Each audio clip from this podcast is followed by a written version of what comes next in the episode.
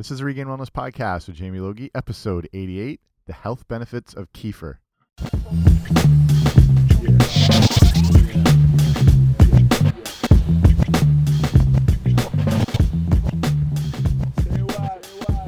Hey guys, what's happening? Welcome back to the podcast. I'm Jamie Logie. I run regainedwellness.com, and this is the Regained Wellness Podcast. So thank you for joining me here today on the 88th episode, number 88.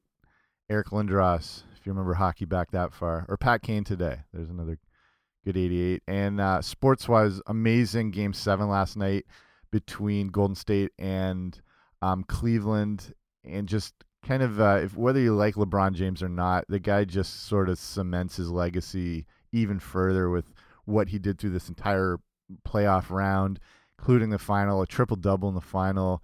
The guy, like, love him or hate him, he, the guy is a, a winner and a performer, and it was an amazing game. And um, Cleveland finally back on track with a championship after was it 51 years, 52 years? Yeah.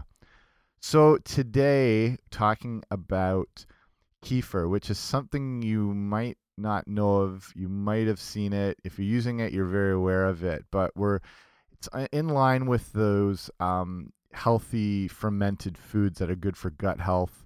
And I talked about kombucha on a uh, previous episode. You should listen to that one too, just to get a little more of an understanding on you know why gut health is so important. And and kefir is one of those things, along with other fermented foods like sauerkraut or kimchi pickles, things like that, that really help to enhance the good gut bacteria um, and just the understanding we have now of the link between good gut health and good overall health and how that affects the immune system and how it's linked to brain function and all sorts of stuff. So I'm going to talk specifically about kefir today and just to get you up to speed with it, what it is, how it's made, how it can benefit you, all that sort of stuff. So it might be something you'll be interested in trying. It, it's yeah, I can understand there is some confusion about it. It's a not the a regular type food product. Um, but I'll give you a quick breakdown of it all here. So kefir is um, is a pretty unique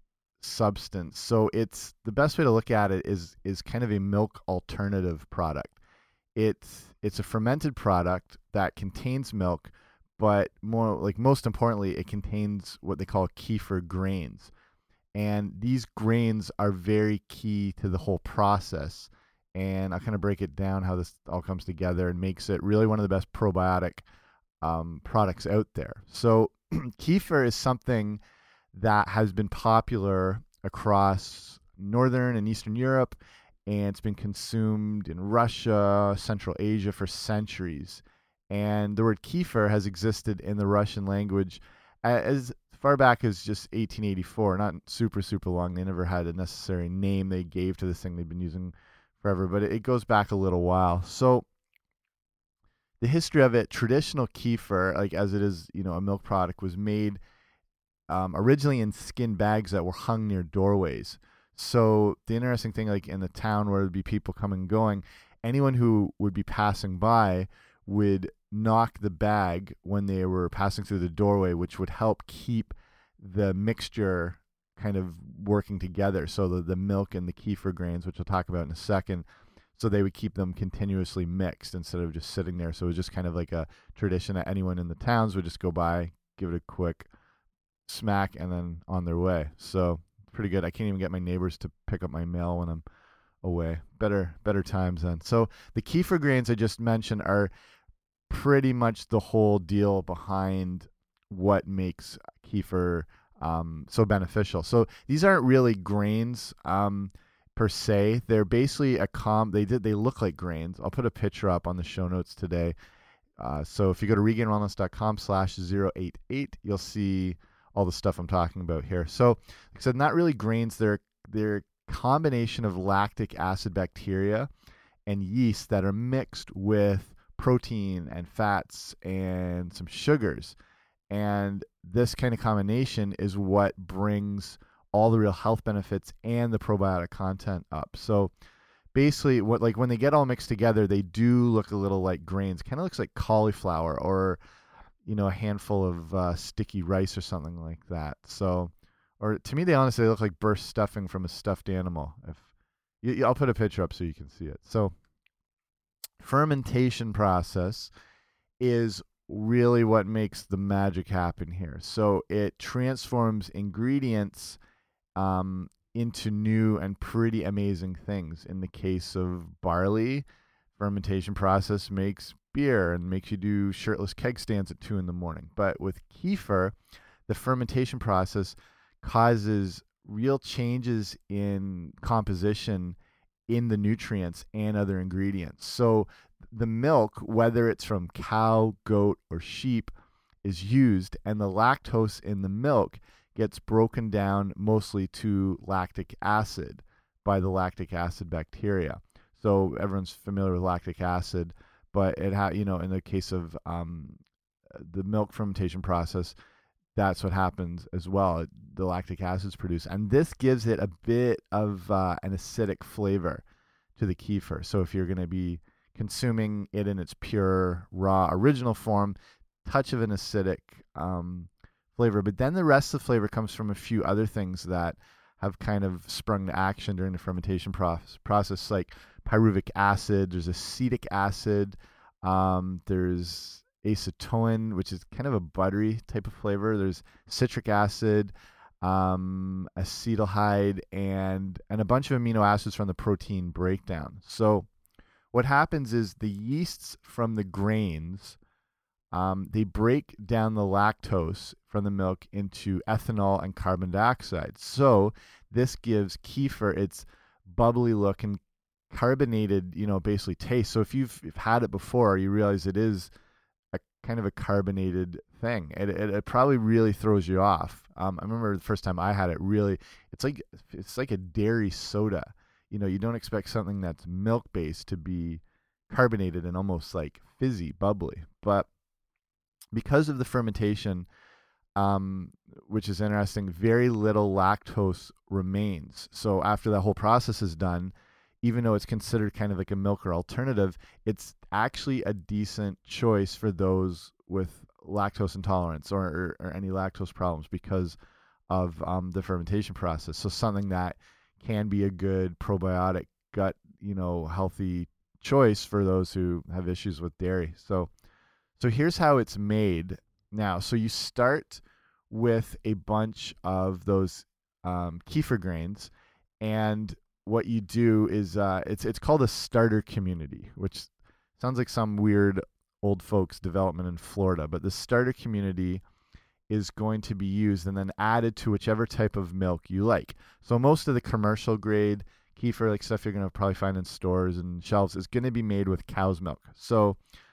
now, what you're doing the traditional way, or artisanal if you're a hipster, is to add the kefir grains to milk in a covered, light proof and acid proof container. And that's going to be usually shaken twice a day to keep that keep that mixture going.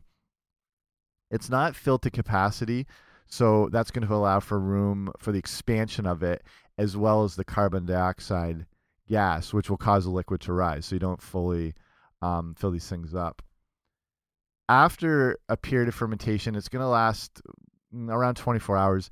The grains are then removed from the liquid by just simple straining. And then these starter grains, like I said, are saved and used for a future fresh back batch of kefir. So they kind of keep going, um, have multiple use. So this it's very similar to if you listen to my episode on kombucha or if you're familiar with kombucha, it's very similar to the production. Um, and in the process of kombucha, they use what they call the SCOBY, which is the which stands for symbiotic culture of bacteria and yeast. And that thing is you, and that's it's kind of like a rubber, white rubber puck. It looks like, um, like a pancake almost. And that thing is used multiple times, and to create you know future batches of kombucha. So it's kind of the same thing in um, the process of kefir. So the the now fermented liquid is containing a whole bunch of new stuff. It contains live microflora.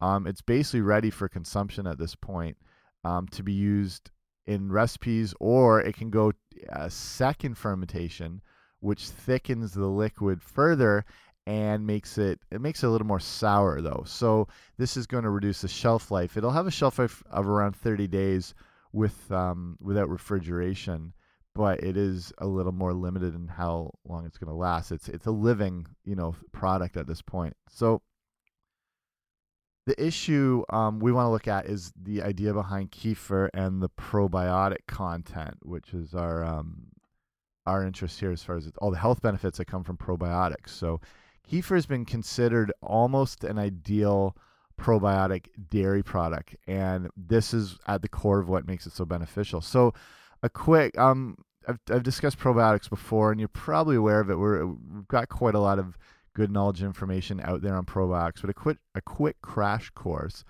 Probiotics are live bacteria, but a good kind of bacteria that is amazing for your health and primarily your digestive system. So your body is full of uh, good and bad bacteria kind of composition that resides in your gut in the small intestine and probiotics help feed the good bacteria that lives down there in your gut so besides providing good gut health. Probiotics are important for a healthy immune system. So, you know, majority basically your immune system, we think of your immune system as like a an organ or it's like another, you know, actual thing that exists in your body, but it's a it's a it's a series of cells, like immune cells that are kind of spread throughout your body, but 80% of these immune system cells reside on the other side of the gut, on the other side of the small intestine. So anything that gets through there is, um, you know, whether it's toxins or negative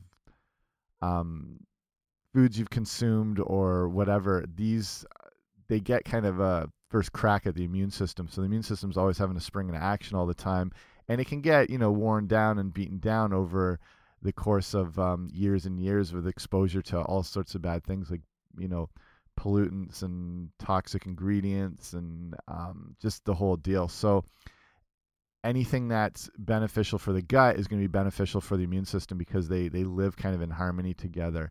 So that's the big advantage of probiotics um, to keep that that microbiome they call it in the gut healthy um, and vibrant. So kefir is pretty awesome because it contains several strains of the friendly bacteria that you really want for um, that optimal health. So you're you're probably familiar with some of these. Some of these names are pretty difficult to pronounce, so I'm going to try and stumble through them just so you can hear reference of them. So kefir will contain lactobacillus cacao, I believe. There's leuconostoc. There's uh, Acetobacter species. There's the Streptococcus species and then there's a bunch of beneficial yeasts such as this one's started sorry hard Saccharomyces kefir and Torula kefir.